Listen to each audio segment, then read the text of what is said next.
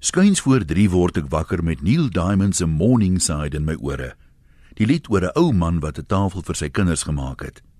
Onwillekeurig begin my gedagtes dwaal na my ma se kombuis en eetkamertafel en ek besef ineens hoe leeg my lewe sonder 'n tafel sou gewees het.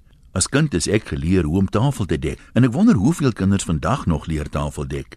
Duiswerk is langs daai tafel gedoen. Familievergaderings is daar gehou en daar is Bybel gelees.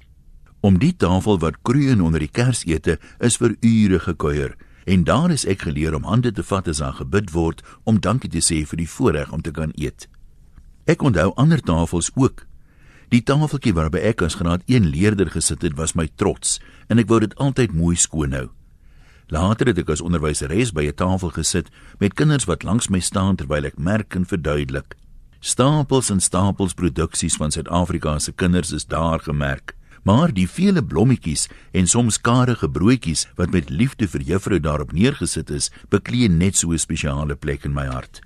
Dan was daar natuurlik romantiese tafels, gedek vir net twee, waar intieme blikke vol beloftes gewissel is. Maar ook tye van alleen sit en eet, sommer so op die hoek van die deurmekaar tafel.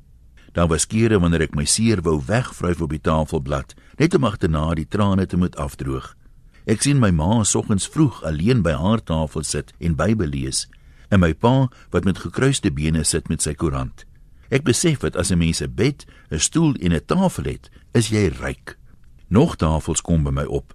Die nagmaaltafel in die kerk en die belaaide tafel by 'n Karoo begrafnis. So het ek by baie tafels in my lewe gesit. Stinkhout en geelhout tafels, antiek en modern maar ook langs 'n skurwe handgemaakte tafel waarop 'n ma trots mieliepap vir haar kinders bedien het in 'n beskeie sinkhuisie. Van watter soort hout 'n tafel ook al gemaak is, dit dien dieselfde doel en so behoort 'n mens se lewe ook te wees. Ongelukkig het 'n tafel in sy diepere betekenis 'n rariteit geword.